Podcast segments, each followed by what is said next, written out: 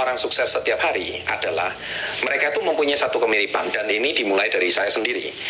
Sejak 20 tahun yang lalu ketika saya mulai menggeluti dunia bisnis ya, saya mempunyai satu kebiasaan. Kebiasaan yang pertama adalah setiap malam sebelum tidur, saya pasti menuliskan jadwal apa yang harus saya lakukan setiap hari.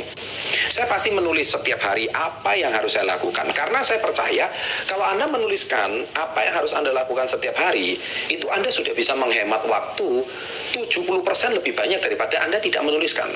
Karena banyak orang yang tidak menuliskan apa yang harus dilakukan setiap hari. Kadang-kadang dia bisa lupa, kadang-kadang dia baru terpikir, kadang-kadang dia baru ingat, oh iya ya saya kelupaan melakukan hal ini.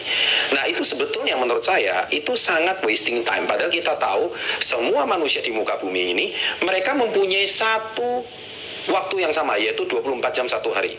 Mereka tidak punya lebih. Tidak ada manusia tertentu mempunyai 50 jam per hari tidak ada.